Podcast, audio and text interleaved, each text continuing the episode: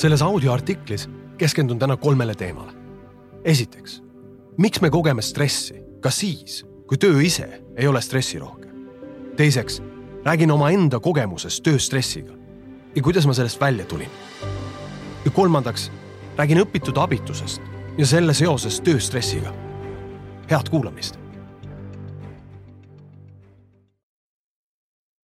selle audioartikli aluseks on üle neljakümne aasta mahukaid uurimustöid, mille peamiseks initsiaatoriks on olnud üks positiivse psühholoogia rajajaid, professor Martin Seligman ja minu enda isiklik töö iseenda mõtlemise muutmisel, mis algas juba aastal kaks tuhat kaks ja kestab tänaseni. audioartikli esimeses osas, mille leiad nime alt Mis põhjustab tööstressi, sümptomid ja uus vaatenurk, arutlesin, kuidas tööstress ja sellega toimetulek sõltus aju verevarustuse liikumisest lahkust, positiivsust ja suure pildi nägemise võimekust haldavast otsmikusagarast, negatiivsust ja kitsast maailmavaadet soosivasse rooma ja aiu. kahe tuhande kaheksateistkümnendal aastal sooritasin huvi pärast Stanfordi ülikooli optimismitesti, et mõista, kuivõrd tugev on minu enda mentaalne võimekus tööstressiga toime tulla. testi tulemus oli extremely pessimistic ehk võimekus stressiga toime tulla oli endiselt minimaalne. teisisõnu, võitis minu roomaaja aju inimese aju ligi sada protsenti kordadest ning empaatilisest endasse ja teistesse suhtuvast alarist sai tige pessimist. objektiivset maailma ei ole, on vaid subjektiivne maailmakogemus. küsin oma stressijuhtimise koolitusel, kas osalejad on märganud huvitavat elu seaduspärasust märkame reaalsuses seda, millele teadlikult või alateadlikult mõtleme. näiteks uus auto peres. absoluutselt kõik inimesed väidavad, et kui on soetatud uus auto, siis korraga märkavad nad seda automarki igal pool, kuigi varem seda nende jaoks peaaegu ei eksisteerinud. sarnane kogemus laieneb ka kõikidesse teistesse eluvaldkondadesse. rasedad näevad titevankreid, kipsis jalaga inimesed teisi lombakaid, prillimüüjad prille ja tapamajas töötajad ei taha isegi mõelda. seda, mis on alateadvuse jaoks oluline, märkame ka oma keskkonnas. kusjuures inimesel ei ole siinkohas endal valikut. keegi ei tee midagi selleks, et oma automarki tänaval näha. märkamine lihtsalt toimub, vaba tahte väliselt. kuid evolutsioon ei arendanud saja kolmekümne miljardi arenguaasta jooksul välja ainult inimese võimet näha asju vaid sarnane süsteem toimib kõige puhul, mida inimene oma elus kogeb. kui apteeker näeb jalutades asfaldil vedelevaid tablette, siis tööstressis olev inimene näeb järjest rohkem põhjuseid, miks veelgi enam stressi tunda. tema negatiivne mõtlemine liigub justkui ühelt objektilt teisele. möödusin mõne kuu eest ühe kontorihoone ees suitsupausil olevatest inimestest. kuulsin, kuidas naine ütles. Vau, kui ilus ja selge taevas täna on. mille peale tema kõrval seisev mees vastas. kuradi külm Eesti kliima. kusjuures mõlemal oli õigus. taevas oli selge ja oli ka kuradi külm.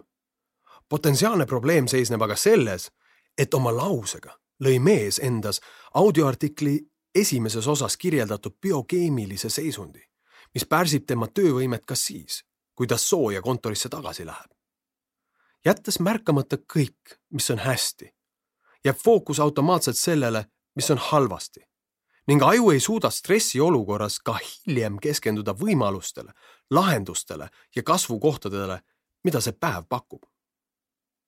seega sõltub tööstressiga toimetulek enamast kui stressi haldamisest tööl. tööstressiga toimetuleku teeb eriliselt keerukaks see, et pikaaegse stressi poolt ohule orienteeritud roomaaia aju paneb inimese keskenduma keskkonnas ennekõike sellele, mis on halvasti, mitte hästi. näiteks audiitorid on iga päev silmitsi üsna tõsise probleemiga. paljud neist peavad hommikust õhtuni, tihti kaheksa kuni neliteist tundi päevas, läbi töötama erinevaid dokumente, et olla kindlad, et neis ei ole ühtegi viga. asja positiivne külg on see aja jooksul saavad sellistest inimestest oma töös väga vilunud eksperdid. Nad tõesti suudavadki kõik vead üles leida. kuid varjukülg on samuti ilmne. keskendudes ligi viiskümmend protsenti ärkvel oldud ajast vigade otsimisele, kandub see harjumus sageli üle ka nende inimeste eraellu. lõpuks saab kogu elu olema üks suur audit, kus aju näeb igal pool vigu ja probleeme. Töö juures kipuvad sellised inimesed oma alluvate tulemusi hinnates nägema ainult seda, mida need on valesti teinud, jättes märkamata kõik, mis on hästi ja tunnustust väärt. koju minnes jäävad neile silma laste tunnistusel olevad kolmed ja kahed, mitte neljad ja viied. kui nad välja sööma lähevad, siis esimese asjana torkab silma, et kartul on natuke kuiv, seejuures jääb märkamata, et liha on aga väga mahlane. aastaid tagasi kuulsin oma tollaselt elukaaslaselt, kes töötas audiitorina, lugu raamatupidajast, kes koostas Exceli tabeli ja märkis sinna kõik, mis tema naine oli viimase kuue nädala jooksul valesti teinud. kuigi mehe kavatsus oli parim, lõppes lugu sellega, et naine kolis välja.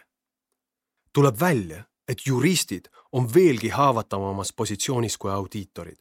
Mäletan uuringut, kus selgus, et juristidel on kolm koma kuus korda suurem tõenäosus kogeda tõsist depressiooni kui kogu ülejäänud töötaval elanikkonnal. probleem seisneb selles, et juuratudengeid õpetatakse nägema vigu ning olema kriitilised, mitte aktsepteerivad. kuigi see on oskus, mis on juristi töös väga oluline, siis pidev loogikavigade otsimine igas lauses mõjutab lõpuks nende inimeste võimet maailma avatud silmadega vaadata ning paneb nad probleeme üle paisutama.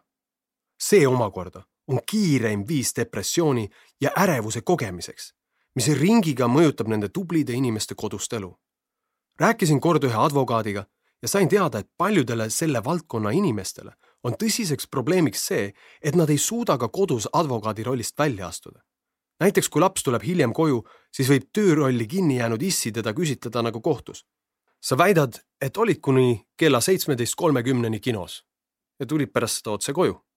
palun selgita mulle aga, kuidas on võimalik, et sa jõudsid koju alles kell kaheksateist nelikümmend viis? kuid see ei ole nii ainult audiitorite ja juristide puhul. töö tuleb koju kaasa ka paljudes teistes ametites. teeninduskoolitajana ei suutnud ma ise ühel hetkel enam väljas söömist nautida, sest nägin igal pool, mida teenindajad võiksid paremini teha. Sportlased võistlevad oma sõprade ja lähedastega. paljud sotsiaaltöötajad ei usalda mehi. finantssektori inimesed näevad riski kõiges, millega nad kokku puutuvad. juhid kipuvad juhatama vägesid ka kodus. kuid ka juhid võivad olla tööstressi käivitajad. Lake Brunham, kes analüüsis enam kui kuueteistkümne tuhande tippspetsialisti lahkumisavaldust, leidis, et üks peamisi tööstressi allikaid ja ühtlasi ka põhjus, miks inimesed töölt lahkuvad, seisneb selles, et andekad töötajad ei saa piisavalt palju, piisavalt sagedasti ja piisavalt kiiresti tunnustust. kui juht, kelle aju-verevarustus on tööstressi tõttu rooma ja aju poolt kaaperdatud, märkab ainult negatiivset, siis loob ta sisekliima, mis halvab tulemusi, mitte ei paranda neid stressis juhi vihaga lausutud sõnad saadavad nüüd ka töötaja ajusse ohusignaali, mis aktiveerib ka tema roomaja aju ning suurendab seeläbi kõikide kalduvust käituda irratsionaalselt. kui töötaja peaks järgmisel hetkel suhtlema mõne kliendiga, siis kannatab kogu ettevõte juba otseselt. Öeldakse, et ära hõiska enne õhtut, mõistmata, et kui selle ideega äärmusesse minna, loob selline juht töökeskkonna, kus ei olegi kunagi võimalik hõisata ülepaisutatud fookus negatiivsele trikitab aga töötajate aju uskuma, et reaalsus ongi negatiivne. sarnane efekt tabab paljusid esimese aasta arstitudengeid, kellele räägitakse kõikvõimalikest haigustest ning kes aasta lõpuks tunnevad, et põevadki absoluutselt kõiki tõbesid. mida rohkem on töös negatiivsust, seda loogilisem on, et seda tuleb tööstressi vältimiseks tasakaalustada positiivsusega. kuid tuleb välja, et tööstressi sarnaseid tundeid võib kogeda ka ilma stressirohke tööta. kuna tööstress on miski, mis järgneb valdavalt autonoomia kadumisele tööl, siis on suur hulk inimesi, kes kogevad, et kogu nende elu ongi üks suur autonoomia puudus. vaatame lähemalt. inimesi eristab kaks põhimõttelist vastanduvat maailmavaadet. esimesel juhul juhib inimest uskumus, et elul on tema jaoks varuks positiivsed asjad ja see, mis tulevikus ees ootab, on hea. teisel juhul juhib inimest vastupidine uskumus, et kui midagi saab halvasti minna, siis see suure tõenäosusega nii ka läheb. ja see, mis ees ootab, on halb. kusjuures inimese vabal tahtel on emma-kumma uskumuse prevalveerimises väga vähe väärtust. mõlemad uskumused pärinevad varajasest lapsepõlvest ning toimetavad taustal enamjaolt automaatselt, võttes uskujatelt endilt autonoomia valida, kumba pidi nad asju näevad. Ka paljudele eestlastele omast suundumust mõelda asjadest läbi negatiivsuse prisma nimetatakse õpitud abituseks. mis asi on õpitud abitus? õpitud abitus on sügav veendumus, et ükskõik, mida inimene ka ei tee, tal puudub tulemuste üle positiivne mõju ja asjad lõpevad igal juhul halvasti. selline kogemus kujuneb varajases eas, ennekõike läbi hetkede, mil laps kogeb, et tema märguannetele pälvida armastust, saada abi, tunda lähedust, kogeda lohutust, pääseda hirmust ja muu selline. ja reageerita tähelepanu, kohalolu, hoole ja julgustusega. selle tulemina tekib inimeses varakult uskumus, et ükskõik mida ta ka ei tee, soovitud tulemust nagunii ei tule. ehk kontroll elu üle puudub. tööstressiga toimetulek on miski, milleks paljud eestlased ei ole saanud kasvatuslikku õpet. tööstress ja sellega toimetulek on oluliselt keerulisem neil, kelle lapsepõlvekodudes puudus vanemlik soojus ja tugi.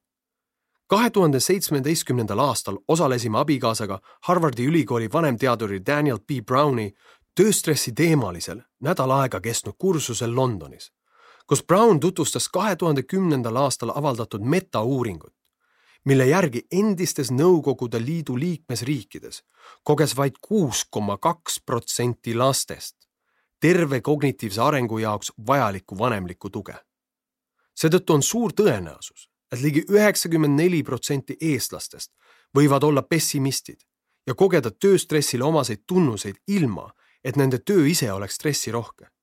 vahet ei ole, kas negatiivsuse allikaks on kasvatuslikud puudujäägid lapsepõlves või autonoomia puudumine töö juures.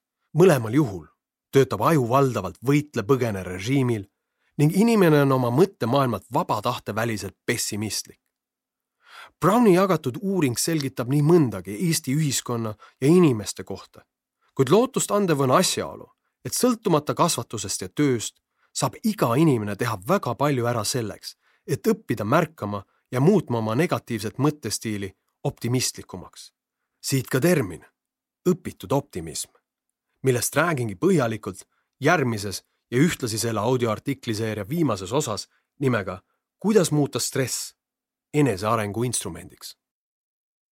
ma loodan siiralt, et selle audioartikli kuulamine oli sinu jaoks väärtuslik aeg ja kui see nii oli, siis kutsun sind ka kuulama minu täispikka audioraamatut Ratsionaalne emotsionaalsus, tugevad tulemused pehmetest tegudest, mille info ja lingi leiad minu kodulehelt alarojastu.com.